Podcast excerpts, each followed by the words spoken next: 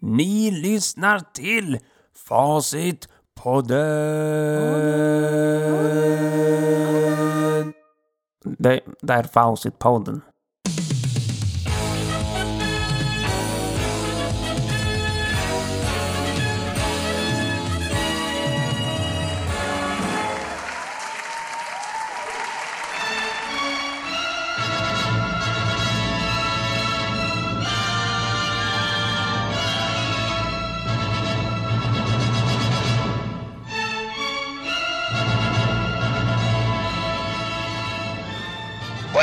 El matador. Es mucho tráfico esta mañana. Bienvenidos de Facit Pod Metal de Muerte Cálidas, de Facit Pod 21, de Facit Pod.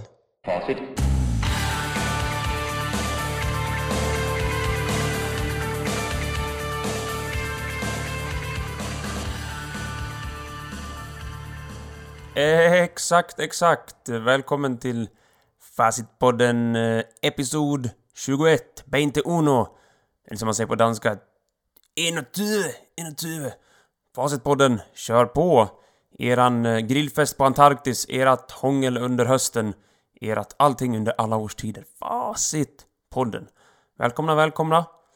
Vi har precis hämtat oss från en mastig episod med The Man with the Hat, Niklas Nieminen. Så då tuffar vi väl på då och eh, trots det tomrum han lämnar efter sig så måste vi ju ändå köra på här. Le facitpodd, le druskigt fet. Precis, precis. Ta en liten slurk eh, hemmagjord mjöd här, låter så här. Gött som stryk. Mm. Ja, vi är ju... Ja, om 30 episoder då, har, då är vi halvvägs till 100, så kan jag säga. Det är bara att tuffa på då. Livet går vidare, allting tuffar på. Det är, är val i USA och det är allt mögligt skit. Eh, idag, som ni nog ser på omslaget, då ska vi prata om mycket speciella saker. Mm, precis. Viktiga grejer. Viktiga grejer som hände i skolan framförallt också. Det blev ju, Sveriges bästa skola blev ju en skola i Övertorneå. Eh, Sveriges bästa skolkommun, Övertorneå. Och vad gör de så rätt då? Ja, det kan man fråga sig. Hur ska man se på det här med skola? Skola! Utbildning, more education. Hmm. Ja, det blir lite prat om skola sen. Blir det? Nu ska jag faktiskt uh, sjunga en liten sång. Det var länge sedan jag sjöng här i Facitpodden. Nu blir det lite sång. Och ni kanske känner igen Green Day-låten från 90-talet som heter Good Riddance, Time of Your Life. Precis, här kommer den. Varsågod!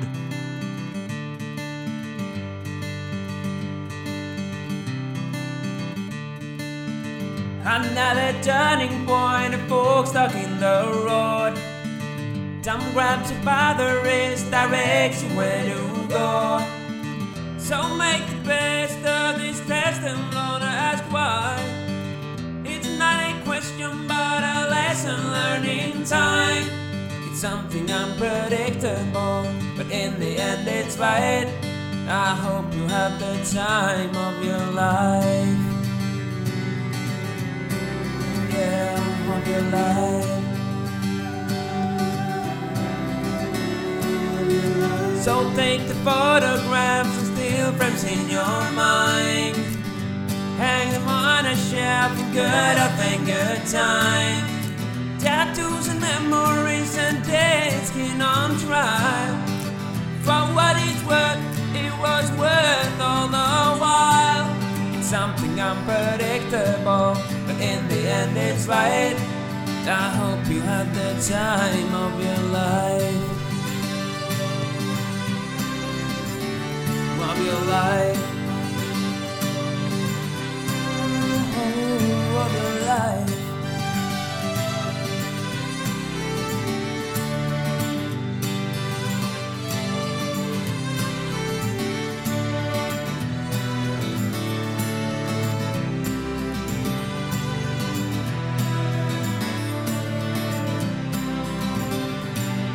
Something unpredictable, but in the end it's right. I hope you had the time of your life.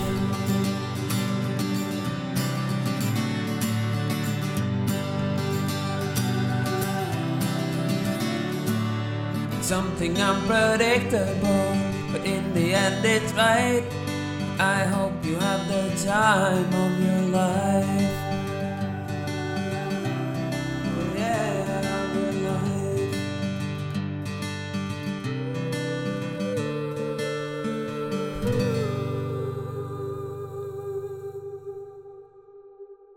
Så kan det låta när jag sjunger hyfsat. Alltså, ah, man ska ju egentligen kunna sjunga skitbra. Det tillhör ju nästan någon slags svensk allmänbildning. Men man har ju skrikit dödsmetall sedan 2001 eh, till 2016 i alla fall och trummat massa. Så då blir man inte riktigt eh, Ed Sheeran, Backstreet Boys säker i tonen. Men det får duga för nu. Så ja, stämmor kan man alltid leta fram. Stämmor kan man liksom testa tills det, tills det passar. Man liksom, man bara trial and error tills det bara, ah nu låter det bra, så då kör jag väl så. Men det är inte jättelätt ändå. Men hyfsat, hyfsat gick det där. Nu, ja men nu, nu är det ju Facitpodden, nu ska vi inte hålla på och sjunga. Det ska inte vara någon Energy Hit Station Radio Fucker for Everyone Songs. Nej, vi kör Facit-podden, trots allt. Som ni förstår så är vi uppe i episod 21. Och då så ska vi ta lite dummaste och smartaste. Saker som är väldigt dumma och saker som är väldigt smarta. Och som ni vet kan det ju ligga en, en sylvass tunn tråd mellan dumt och smart. Det är därför det får plats under både dummaste och smartaste. Och en sak jag tänkte på då är ju det här med tandborstning. Som jag tänkte på häromdagen. Och då var det så här att jag råkade Ja, på något sätt så råkade jag trycka in tandkräm i munnen. Eh, och sen skulle jag liksom borsta och så bara... Blö, så här, mm. Eh, Vanligtvis så brukar man ju... Jag brukar i alla fall ta tandkräm på tandborsten. Så här, peta ut tandkräm på tandborsten och sen skvätta lite vatten och sen borsta. Men nu så råkade jag trycka in tandkrämen direkt i käften och så bara... Och det här var inte så bra. Men vadå? Det är ju liksom helt värdelöst. Varför trycker man på tandkräm på tandborsten och inte direkt i munnen? Tror man att det ska smaka äckligt? Eller vad är det liksom? Du ska ändå ha tandkrämen i din mun. Så, ja, men ändå, du ser ju aldrig någon, inte på någon reklam eller någonting, som trycker in tandkräm direkt i munnen. Varför inte det? Det är ju väldigt dumt. Det- Liksom på reklamer för tandkräm, då vill man att det ska se så här reklamsmaskigt ut och fresh white for your underdirect and your breath it's gonna be amazing you're gonna kiss the girls and your underdirect gonna be fresh eh. Okej. Då ser det väl godare ut om man trycker in tandkrämen bara mm. ah, direkt i munnen. Men nej, de vill inte sälja tandkräm, de skiter i det. Utan de kör en traditionell tandkrämspåsättning. Bara zutt, tråkigt och heteronormativt på tand, tandborsthuvudet. Och sen bara borsta som vanligt folk. Hallå? Mm. Nej, jag tänker att man, visst kan man trycka in tandkräm direkt i munnen. Den ska ju dit ändå. Liksom, om du ser någonting som ska in i munnen, stoppa in det på en gång. Fan, hela skiten bara. Det är bra. Uh, det, det är liksom inte... det är så här... Jag, jag tänker man tar det på tandborsten för att du ska... Du ska ju ha tandborsten på tänderna och då är det bra om tandkrämen är på tandborsten. Men vadå, tror du att det inte ska komma på tandborsten när du borstar? Bara för att du inte trycker det direkt på tandborsthuvudet. Det kommer ju blandas i munnen ändå. Det är liksom... Ja, det är ganska lätt. Så... Försök äh, utmana er själva. Go out of your comfort zone. Kanske testa att bara trycka in tandkräm i munnen och se vad som händer. Förmodligen kommer tandkrämen leta rätt på tandborsthuvudet ändå.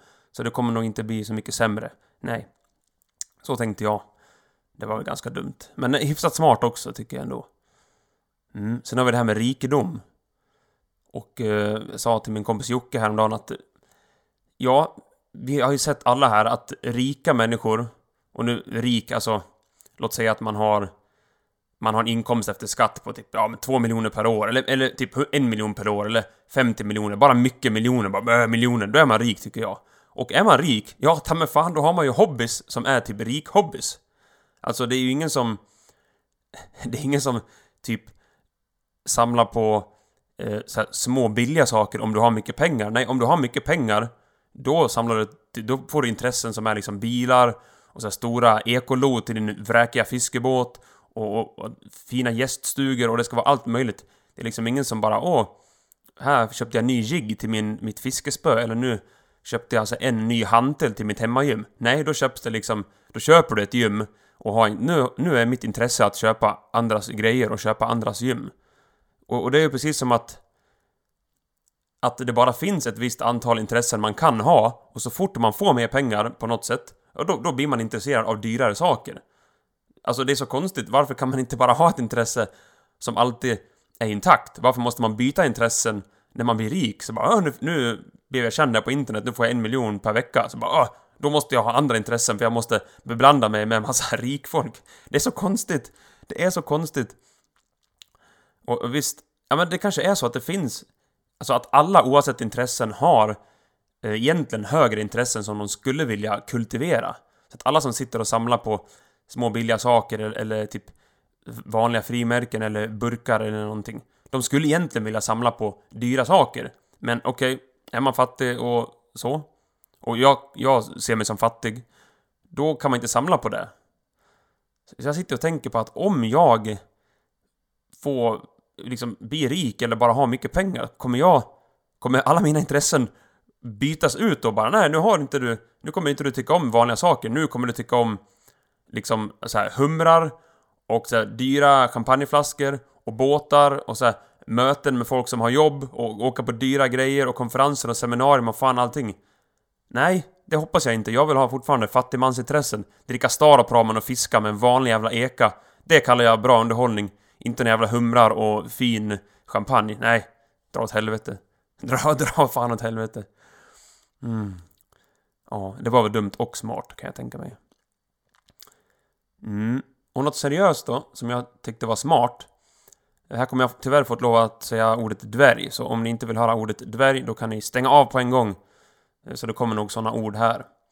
Men jag tänkte på det här med förhållanden då, och det är mycket förhållande serie på TV och det är X on the beach och Sex on the beach och det är Big Brother och det är Paradise Hotel och det är For Lover Money och Dating, Love at First Sight, fucking Gift dig nu, allt sånt. Och jag, jag brukar alltid komma fram till lite så små intressanta, roliga saker att säga om förhållanden och min, mitt avsnitt om systematisk eh, tvångsdating var ju specifikt om förhållanden. Så att eh, eh då tänkte jag ut en till grej om förhållanden. Och då tänkte jag så här att Eh, här på Facitpodden tänkte jag så här. Man letar nog... Nej. Äh, ja. Det här med att folk letar efter någon som får en att känna sig perfekt. Va? eller att man ska leta efter någon som är perfekt. Och det är, alla är perfekt för någon och, och mm, det finns någon som är perfekt för dig. Så, jag gillar inte... Det ordet kan man ju slopa bort. Alltså jag tror att man letar efter någon som får en att känna sig normal. Hyfsat normal, inte perfekt.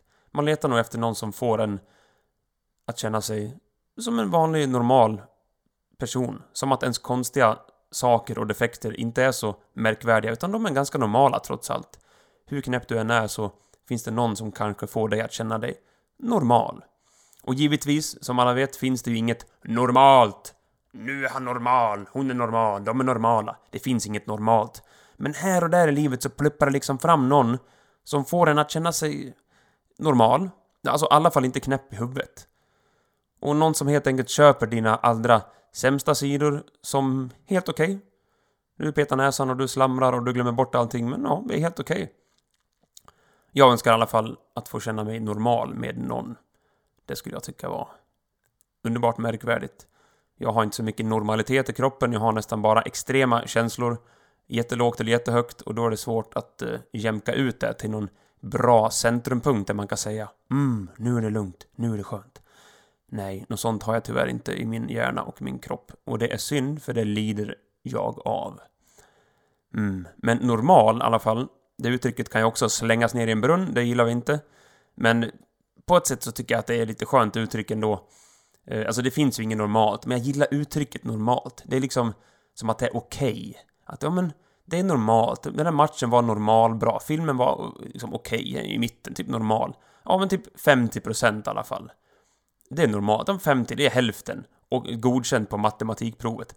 50% det är normalt. Och, och två stycken 50% normala idioter, ja det blir ju en hel person. Två defekta idioter som på något sätt, på något stört sätt känner att den andra är tillräckligt okej okay för att inte lönnmörda den andra under typ 50 år. Eh, men då måste man också våga visa vem man är, att man faktiskt endast är 50% och inte någon super fucking hela tiden duktig 110% übermensch. Annars så, om man inte vågar visa det utan man låtsas att man är 110% eh, då blir det som dvärgarna i Snövit. Eh, som dvärgarna i Snövit, ja, de fuskar liksom. De låtsas vara en fullstor människa, men egentligen är det två stycken dvärgar som har tagit på sig en vanlig människas rock bara för att få dansa med Snövit. Nej, det är fusk. Det är fusk och det kommer gå illa. Vilket det ju också gör för dvärgarna i Snövit. Det går inte så bra på dansen och de nyser och fastnar i taket. Ja. Och ni, Facitpodden-lyssnare och jag, kan inte heller dvärgfuska oss fram i förhållanden och ta på oss kläder och roller som egentligen inte passar oss bara för att låtsas att ni är någon som ni inte är. Nej, går inte bra. Det är bara att erkänna era defekta normaliteter, era härligt handikappade och socialt efterblivna saker och acceptera att ni är helt okej okay, handikappad 50%. Det får fan duga.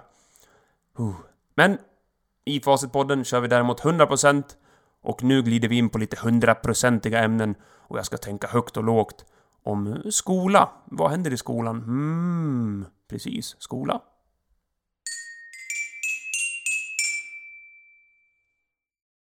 Ja, precis. Skola var det jag. Inte skola, vård och omsorg, utan skola.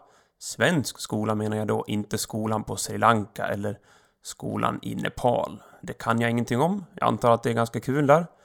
Eh, framförallt så är det ju eh, inte så mycket svenskar, så då är det säkert lite lugnt och skönt. Inte så mycket, vad fan säger jag? Ja, ja, det är ganska skönt. Sri Lanka, det är inte så mycket svenskar där och Nepal, det är inte så mycket svenskar där. Det blir inte så mycket bråk, utan de, de kör på. Precis, det behöver inte vara så märkvärdigt. Nej. och ja, i alla fall i svensk skola, där jag har jobbat cirka fyra år. Jag är ju utbildad lärare. Där, ja, det fanns ju lite att, eh, som man skulle vilja ändra på. Men såklart är det svårt när Ja, när man inte kan bestämma så mycket själv, utan man får lita på att andra tar bra beslut om skolan och sen finna sig i det. Eh, mm, men i alla fall så blev ju Övertorneå Sveriges bästa skolkommun enligt någon slags helhetsrankning från Lärarförbundet. Och Övertorneå ligger långt upp som fan i Norrland, så så kan det gå. Övertorneå, grattis! Sveriges fetaste, bästa jävla skolkommun. Mm. Och jag tänker så här att eh, en del kommuner och skolor är ju så mycket sämre och har det så mycket sämre än andra skolor och eh, kommuner. Och det vill man ju inte. Jag menar, vi vill ju få med alla på samma tåg så att säga. Vi vill ju att samhället ska vara... Ja, ska bestå av folk som kan ganska mycket och vill ganska mycket och ha en bra miljö i skolan. Men alla kommer inte kunna lära sig lika mycket. Alla kommer inte kunna springa lika snabbt och hoppa lika högt och så vidare. Men vi vill ju ha skolor och kommuner som har en slags resursbas som inte skiljer sig så mycket. Och skiljer det sig mycket, då kommer vi få olika eh, resultat. Och kanske till och med att en del, eh, en del skolor behöver ha mycket extra resurser för att eh, ja, det är mer problem där, det kanske är fler där som har ADHD eller ADD eller autism eller som har ja, inte vet jag, rullstolsbundna eller någonting. Så att man kan inte bara ge en klumpsumma och säga det där får ni och det där får ni. Nej, kanske en del skolor behöver ha lite, lite andra pengar än vissa andra skolor beroende på hur det ser ut. Vilken typ av elever det finns och vilken typ av sätt de jobbar på. Det var ju så här också att eh, svenska skolan var ju...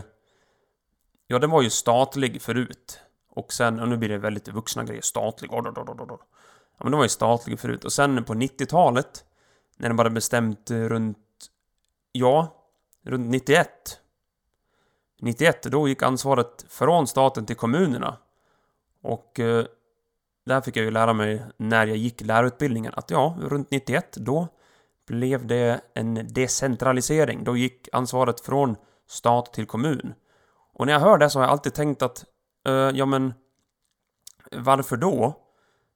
Visst, då kan man tänka sig, ja, de som bor i kommunen och jobbar i kommunen, de vet mer vad eleverna i sin kommun behöver. Men å andra sidan, då blir det ju inte riktigt lika överallt. Då kan vi ju göra på ett sätt här borta och ett sätt i Malmö och ett sätt i Kiruna och på ett bra sätt i Övertorneå. Och sen blir det ju inte så likvärdigt ändå. Och visst, man kan inte ha så här exakt samma gungor och exakt lika stor fotbollsplan och exakt lika stort allting så på skolan. Men jag känner ändå att man måste... Man måste sikta lite ditåt. Du kan inte ha liksom en skolgård som är jättebra och har jättestora möjligheter på ett ställe i Sverige och en fucking skitdefekt skolgård där typ bussar kör över ungarna om de tappar fotbollen liksom för det ligger mitt i stan och det bara du som en racingbana alldeles bredvid så att det finns typ inte plats för någonting. Ja, hur ska de barnen kunna ha orientering till exempel som man ska ha på idrotten? Hur ska de barnen kunna ha orientering? Ja, det kommer bli jävligt svårt, precis. Så att eh, man får nog tänka efter där lite. Jag vill att skolan ska vara statlig igen. Jag tycker skolan ska vara statlig. Det blir, jag tycker att det känns lättare att ha inseende på ett övergripande sätt. Så får man ju ha folk från...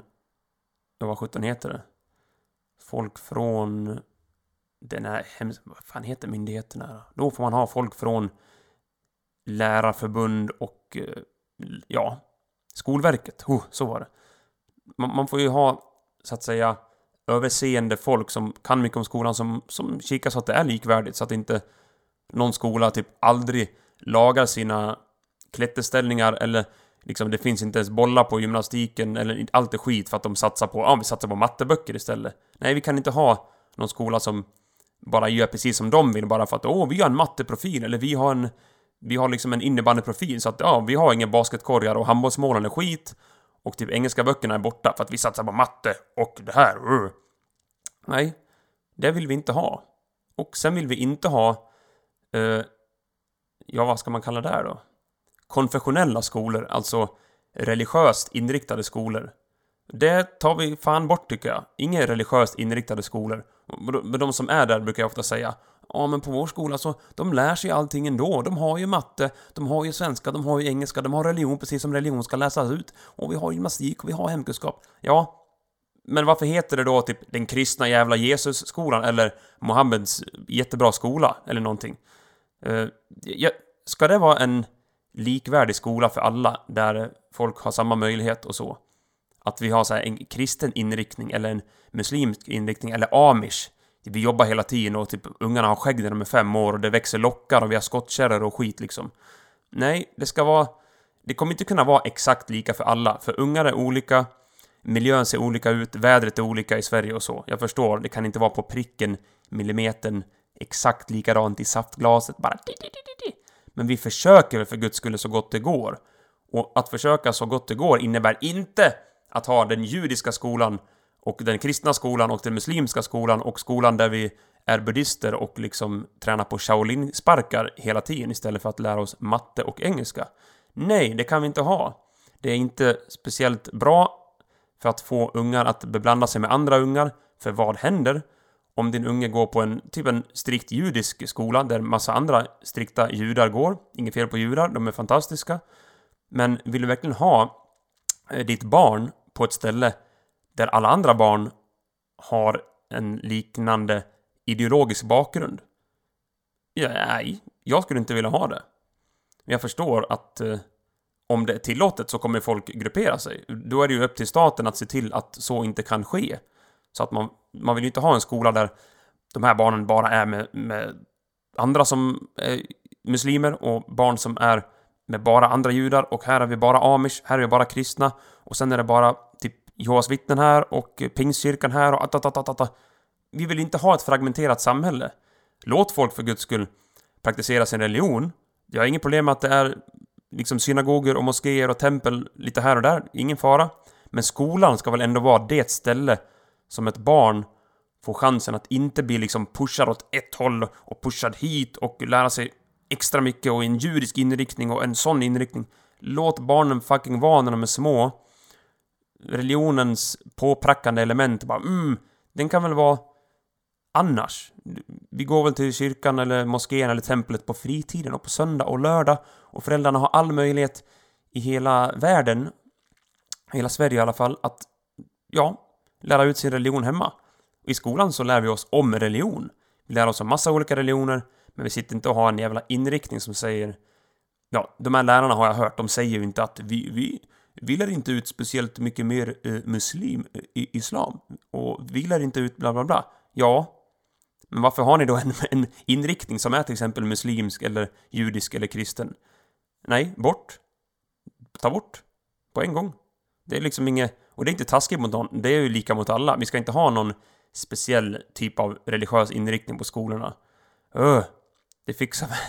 Det är ungefär som att ha, nej, på vår skola har vi en sexuell inriktning.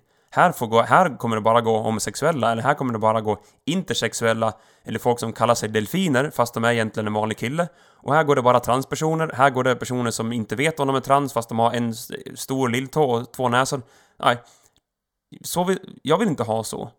Men vi kommer ju komma dit om vi tillåter ett typ av ett typ av uh, sånt där eh, synsätt att här får kristna gå och sen här och så, så, så, så, så.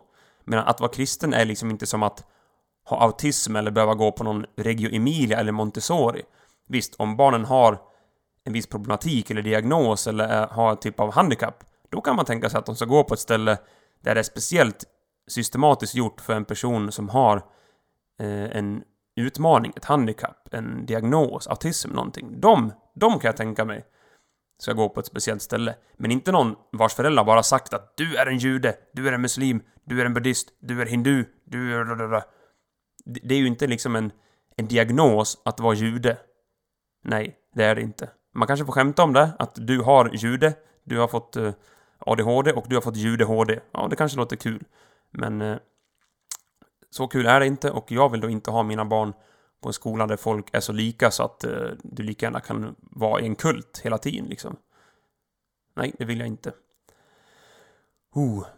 Något som däremot är bra på ett sånt där alla, det ska vara lika för alla sätt, om vi ska försöka sätta alla, dra alla över en kam, det är ju, har jag tyckt i alla fall, är uniform.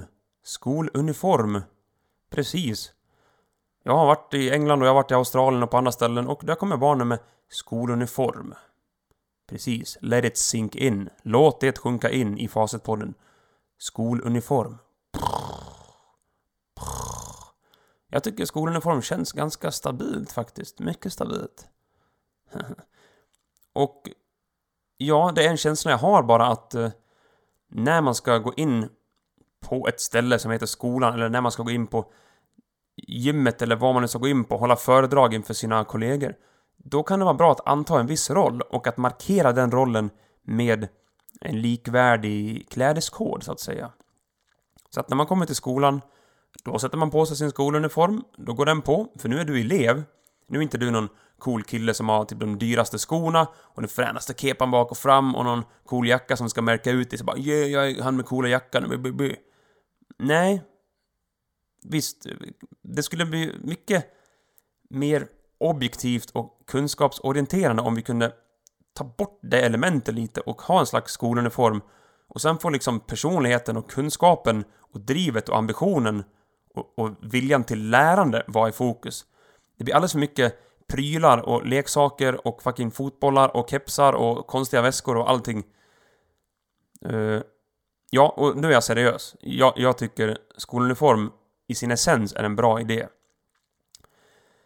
För att, ja men, för att man spelar en roll. Spelar, men man antar en roll.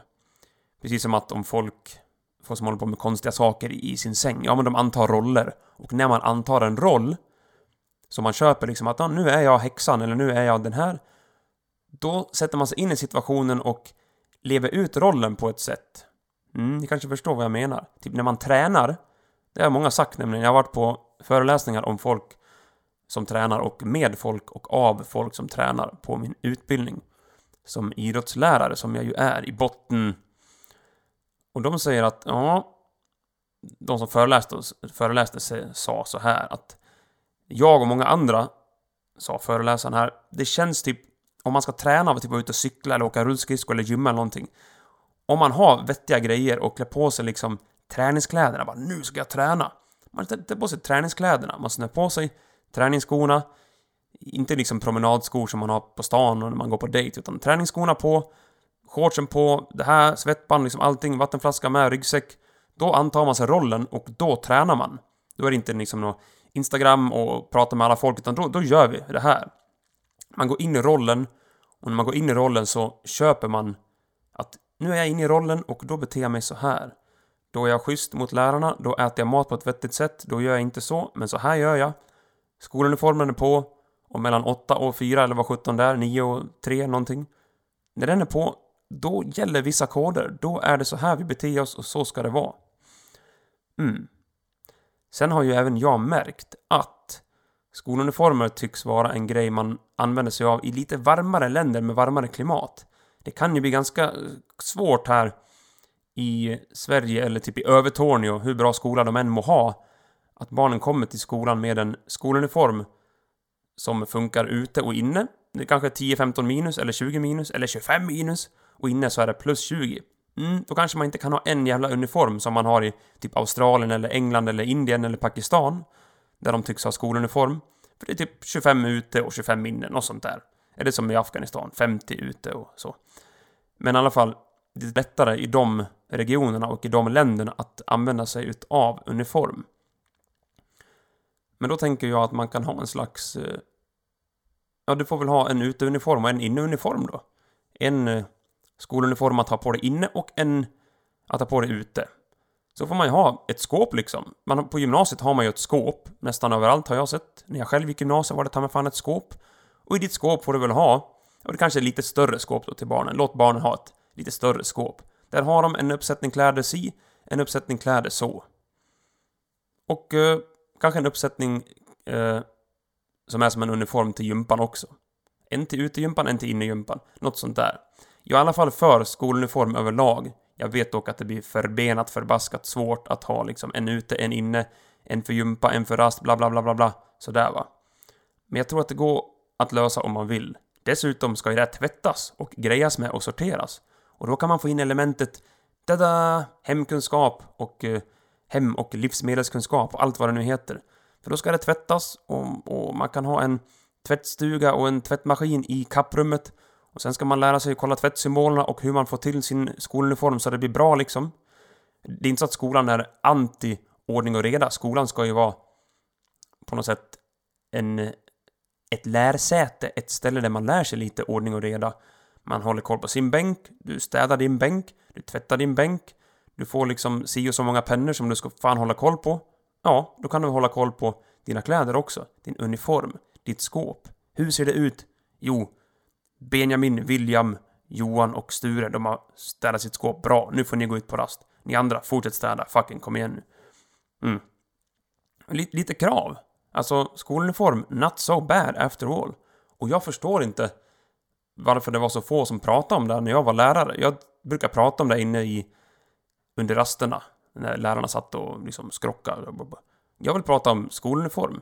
Inte vad fan du gör hemma för någonting. Nej, nu ska, nu ska vi prata om skoluniform. Jag tror på det, att anta sig rollen som man känner när man får på sig uniformen. Den rollen blir liksom tydlig, så att nu är uniformen på och då är det det här som gäller. Och lärarna kan också ha en klädkod. Mm. Jag, jag känner att det borde funka. Lärarna på det här stället, de klär sig så här. Och då är det så. Sen finns det liksom möjlighet man kan ha en, en tajtare skjorta eller en annan kavaj, men alltså, mm, ja. Roller och tydlighet. Nu är ju, är ju jag liksom en, en struktur-Hitler som gillar struktur på alla sätt. Desto fyrkantigare box, desto bättre. Eh, I alla fall när det ska göras viktiga saker såsom skola, utbildning och föreläsningar. Då gillar jag fan struktur, tusen multimumala Hitler procent, tusen, hundra procent ordning och reda. För att, alltså utan ordning och reda så kan ingen lära sig ett skit. I en klass, på en skola, i en kommun där det är en liten ordning och reda grad, en låg grad av ordning och reda, där lär man sig inte lika bra, skulle jag tro. I alla fall överlag. Sen finns det ju några högpresterande ungar som fucking fattar allt och lär sig allting ändå. Och det går hur bra som helst. Kompis, det går bra nu. Hallå brorsan, walla walla. Men för många så funkar det inte så. Nej, tyvärr. Det har jag märkt. Jag har väl lärt ut engelska och svenska och gympa till flera hundra barn och jag vet vad jag pratar om. Lite, i alla fall. Mm, så är det. Sen fattar jag inte heller varför när folk, framförallt vänster, folk som identifierar sig som vänster på det politiska spektrat, Varför inte de pratar om det här? För det är ju liksom en... Ja, det är ju nästan en kommuniststämpel på skoluniform, så här, socialist, kommuniststämpel, nu ska alla se likadana ut. Men jag känner att det här att... Ja, det är väl inget fel med det, det är väl inget fel med skoluniform per se. Men det blir lite smutsigt i ett land som är lite mindre strikt som i Sverige. Men jag, jag förstår inte varför inte vänsterfolk vill ha mer sådana likvärdiga grejer. Jag har inte hört det i alla fall. Det är sällan man hör det från, från folk som identifierar sig som vänster, att vi ska ha skoluniform. Men jag tycker, fuck it, skoluniform. Då får ju, då blir det liksom, det är inget som säger att alla behöver få lika betyg eller lika uppmuntran eller allting likadant, men vi kan i alla fall få ungarna att känna sig något sånär likvärdiga när de är i skolan. Istället för att det ska vara så jävla tydligt vem som har mycket pengar hemma och vem som har råd med de finaste jackorna och de fränaste skorna och det blinkar här och det är leksaker och bollar och kepsar och fucking fina väskor med snygga märken på. Nej, det tycker jag vi kan trappa ner på. Skolan ska inte bli liksom en, ett ställe där unga kan markera för andra så här, oh, liksom den rika hierarkin och liksom sånt. Det, det gillar inte det. Kom till skolan, på med uniformen, nu lär vi ut det här och då kör vi. Så jag är inte så socialistiskt lagd överlag, jag är väl inte lagd på ett speciellt tydligt politiskt sätt. Men jag känner att skoluniform, det kan vara bra. Då kommer ungarna dit. Nu är vi likvärdiga. Nu är vi liksom inte den coola killen här med sin coola huva och den här kepsen och den här blyga personen som kanske skäms över sina skor eller skäms över sina kläder och så här, oh jag har inga dyra grejer. Sen kommer någon, yeah, den coola Benjamin och Trevor och William, yeah, de har coola kläder. Nej, jag vill inte ha den där uppdelningen. Jag vill inte att unga ska komma till skolan och känna sig som den fattiga, eller som den rika, eller som den med bäst skor eller fränast någonting. Nej, skolan ska vara liksom, ja, en standardiserande plats där vi ger utrymme för personlighet, ambition, kunskap och driv liksom. Inte det här tok onödigt individualistiska visa alla, alla grejer du har. Nej, ner med det. Sänk det. Få fram... Visst, jag har inget problem med individualism. Skolan är ju ett ställe där du blir betygsatt för att du är så här bra och då får du sådana betyg. Och det tycker jag att vi ska ha. Men vi behöver inte fokusera på individualismen inom skolan på de grejer som inte har där att göra. Massa extra leksaker som ungarna tar med sig och ditt och datt. Och den här har såna kläder, den här har såna kläder. Och dit. Alltså det, blir, det blir för mycket. Håll det till ett minimum. Håll det fyrkantigt, håll det enkelt. Ungar behöver struktur, ta mig fan. De allra, allra flesta ungarna behöver tydlig struktur. På med skoluniformen. Nothing wrong with that. Nothing wrong with that. Mm. Men jag... jag mm. ja, hmm. man, jag ska inte bli sur här, men jag, jag tycker att eh, det borde gå att lösa. Och något... Eh, något som jag vill ha med i skolan, det är egentligen sånt som har lite... Jag vet inte hur man får in ett ämne, men jag skulle vilja ha en typ av... Ett typ av ämne som är liksom ett värdegrundsämne, som är liksom omfångande och mm, kapslar in liksom beteenden och uppförande och värde i skolan. Vi behöver inte ha liksom det här ordning och uppförande uh, som man hade förut. Eh, vi behöver inte ha på, på det sättet, utan mer mm, ett etik och värdegrundsämne där vi pratar om hur ungar beter sig mot varandra, hur vi får ordning och reda i klassrummet, vad som händer om vi behandlar varandra så här, hur vi kan sköta sociala medier utan att någon känner sig utanför, hur vi kan få folk i klassen att må bra. För det är den andra saken som spelar roll om man ska lära ungar någonting. Det är om de vill ens vara där, om de mår bra. Det är ordning och reda och det är att må bra. Sen det andra, att det ska vara sån jävla fokus på ja, viss kunskap, det är ju därför vi är där. Men det är sånt jävla fokus på som så här, kursplaner och poäng hit och dit och Eh, vet, allt det där små fixet som inte spelar ett skit roll om ungarna inte mår bra eller om det är ordning och reda. Först kommer må bra, sen ordning och reda, eller kanske vice versa. Må bra, ordning och reda, eller ordning och reda, må bra. Först kommer de två sakerna, sen kommer lära ut. Det finns liksom en övertro i skolan som jag uppfattar det. Det finns en övertro på prylar och apparater och den senaste teknologin och extra mycket möten och extra mycket så här nya grejer och utbildningar man ska gå på för att lära sig den här nya dokumentkameran och smartboard och fucking interaktiva grejer. Ja, men om man inte har möjligheterna att skapa lugn och ro i klassen då? Eller liksom stödlärare, extra lärare, folk på fritids? Nej, utan du måste själv gå runt och vara rastvakt fast du egentligen har en lärarutbildning och ska gå runt och förbereda lektioner och kopiera saker och fixa och rätta prov. Nej, då ska du vara rastvakt också. Nej, bort, gör om, gör facit. Så kan det fan inte vara. Du ska få vara lärare och du ska få vara... Om du är liksom en fritidspedagog och fritids, då ska du... Gör det. Och är du lärare och du kan fan mycket engelska och idrott och svenska och matte och skit, då ska du göra det. Rätt folk på rätt plats liksom. På med uniformen, kör. Mm. Ja, det, det finns en övertro på att om vi har ett mer tekniskt lärande och det är surfplattor åt alla och bra datorer och skit, ja, då blir det bättre. Inte nödvändigtvis. Ungarna måste må bra och de måste eh, känna ordning och reda. Om de två sakerna finns på plats, då kan vi bygga vidare. Annars, nope. Och det tyckte jag var tråkigt med skolan när jag jobbar där. Det är för mycket... Det är för mycket övertro på att... Eh, att alla kommer kunna lära sig allting och det ska vara så här graderingar. Här bör ungen vara vid den här tiden, här bör ungen vara vid den här tiden. Ja. Men stödet för att kunna ha en vettig undervisning, då. Och eh, lärartäthet, då. Och att inte behöva vara rastvakt när du är lärare, då. Sånt där måste också vara på plats. Och sen var det ju problemet med eh, teknisk support till exempel. Ibland fick man en dator på en skola vars certifikat inte ens var uppdaterat så att du fick lov att sitta och ringa till en kommun den kommunen jag jobbade i, Falu kommun, för att de skulle fixa min dator så att jag kunde ha lektioner. För att datorn skulle ju kopplas in till en station där väggen bakom datorn speglades så att det skulle bli liksom en stor skärm så här, en stor smartboard. Och funkade inte datorn, ja då fick man inte tillgång till det man skulle ha och lektionsupplägg och massa medel, material, materiell.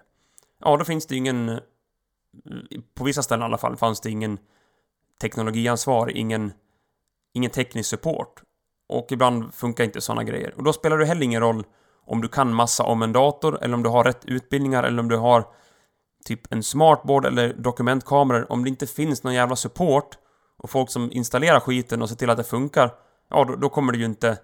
Då kommer det inte gå ändå. Så att... Eh, och det är ju också en ordning och reda brist. Att man bara tror att så länge vi har datorer och bra iPads och dokumentkameror och skit, då funkar det. Då blir det bra och modernt. Då kommer det bli, bli bra. Då blir vi moderna och bra betyg och ungarna får göra roliga saker. Det blir inte kul. Du måste ha ordning, fucking reda och du måste få ungarna att må bra. Sen kanske inte kan ha ämnen som heter må bra och ordning och reda. Men det måste liksom vara med i typ skolans dokument, eh, liksom läroplan och kursplan. Typ i skolans lag liksom. Det måste kunna finnas en grad av ordning och reda och välmående och där måste vi kunna, ja, varför inte som ett ämne? Ordning och välmående, eller typ etik och välmående. In med det som ett ämne. Och, eh, ja. Varför inte? Visst kan du ge ungar, visst kan du ge ungar omdöme och betyg i ett ämne som, ja, låt säga värdegrund och ordning. Ordning och värdegrund. Etik och värdegrund moral och värdegrund, något sånt. Ni förstår vad jag, vad jag vill komma, något sånt. Visst kan du ge betyg i det? Om ungarna visar sig kapabla till att ta hand om varann, hjälpa varann, sätta sig in i andra situationer, kanske skriva en liksom berättelse som hände i klassrummet och sen vinkla det på ett sätt. Hur hade du kunnat hjälpa den här personen bättre? Hur hade du kunnat varit en mer stödjande kompis där? Visst fan går det att sätta betyg i det? Vi behöver inte bara sätta betyg i centimetrar, millimetrar, gram och eh, bla bla bla. Vi kan sätta betyg i Saker som faktiskt får en unge att klara sig på riktigt här i livet. Alltså, må bra, ordning och reda, respekt, struktur. Sånt saknar skolan överlag, känner jag. Det kanske jag inte är ensam om att tycka. Så, mer grundläggande humanitet, inte bara centimeter, gradvinkel, huvudstäder, fucking längdhopp och, och, och allting. För det är ingen som... Nej, det spelar ingen roll om det inte finns än en gång, ordning och välmående. Så det vill jag få in. Det ämnet vill jag få in. Fucking in med det ämnet. Värdegrund och etik, eller något sånt. Moral och ordning, moral och värdegrund. In med det ämnet. Lär ungarna inom det. Och varför inte sätta betyg inom det? Det måste i alla fall vara en vecko återkommande grej. Nu har vi värdegrundslektion. Nu har vi etiklektion. Inte bara nästa grej, nästa uppgift, nästa lektion, pang, pang, pang, rast, t, t, t. Jävla stress alltså, ta fan. Vi, ja. Ja, Sverige ligger efter i skolundersökningar. Ja, och det skulle jag säga beror mycket på att lärare inte får göra sitt jobb, att lärare ska vara ute på rasten och vara vakter, att lärare inte får sin dator fixad, att lärare inte har tid och att det finns för få lärare som hjälper till, det finns för få speciallärare, allt sånt. Det är liksom inte en brist, det är inte så att betygssystemet är dåligt eller att vi har dåliga datorer eller att vi har dåliga tekniska möjligheter. Det finns bra möjligheter. Det behövs bara styrning. Ordning och styrning så att folk kan göra det de är bra på och det de kan göra. Och det får inte folk göra om det inte finns fucking ordning och styrning. Nej. Oh. Skola var det ja. Mm. Vi, vi ska prata mer om skolan, men summan av kardemumman, the sum of the cardamom. Jag vill få in någon typ av skoluniform och jag vill få in någon typ av värdegrundsbaserande lektionsprogram. De två sakerna, skoluniform och värdegrundsämne. In med det, packat och klart, tjapp och klack. Do it now. Och ta tillbaks eh, centraliseringen av skolan. Tack. Statligt is the shit. I alla fall i detta fall, tycker jag, här i Facitpodden. Mm. Precis. Det, det behöver inte bli liksom Stalin och Hitler bara för att vi säger att staten ska ha koll över skolan. Nej, det behöver det inte bli. Mm. Gott folk, vi rundar av där. Och nu ska jag ut på en liten eh, träningsrunda. Lite utegym här. Det finns mysiga ställen att gymma på utomhus i Falun.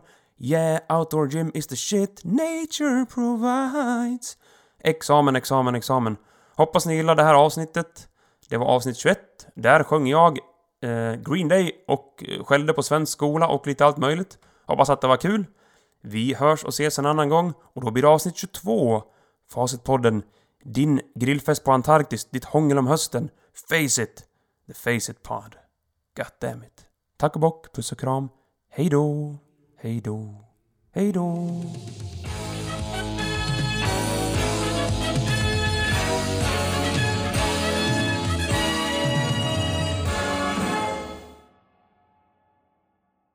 Det, det är fa, facit, det är Facitpodden.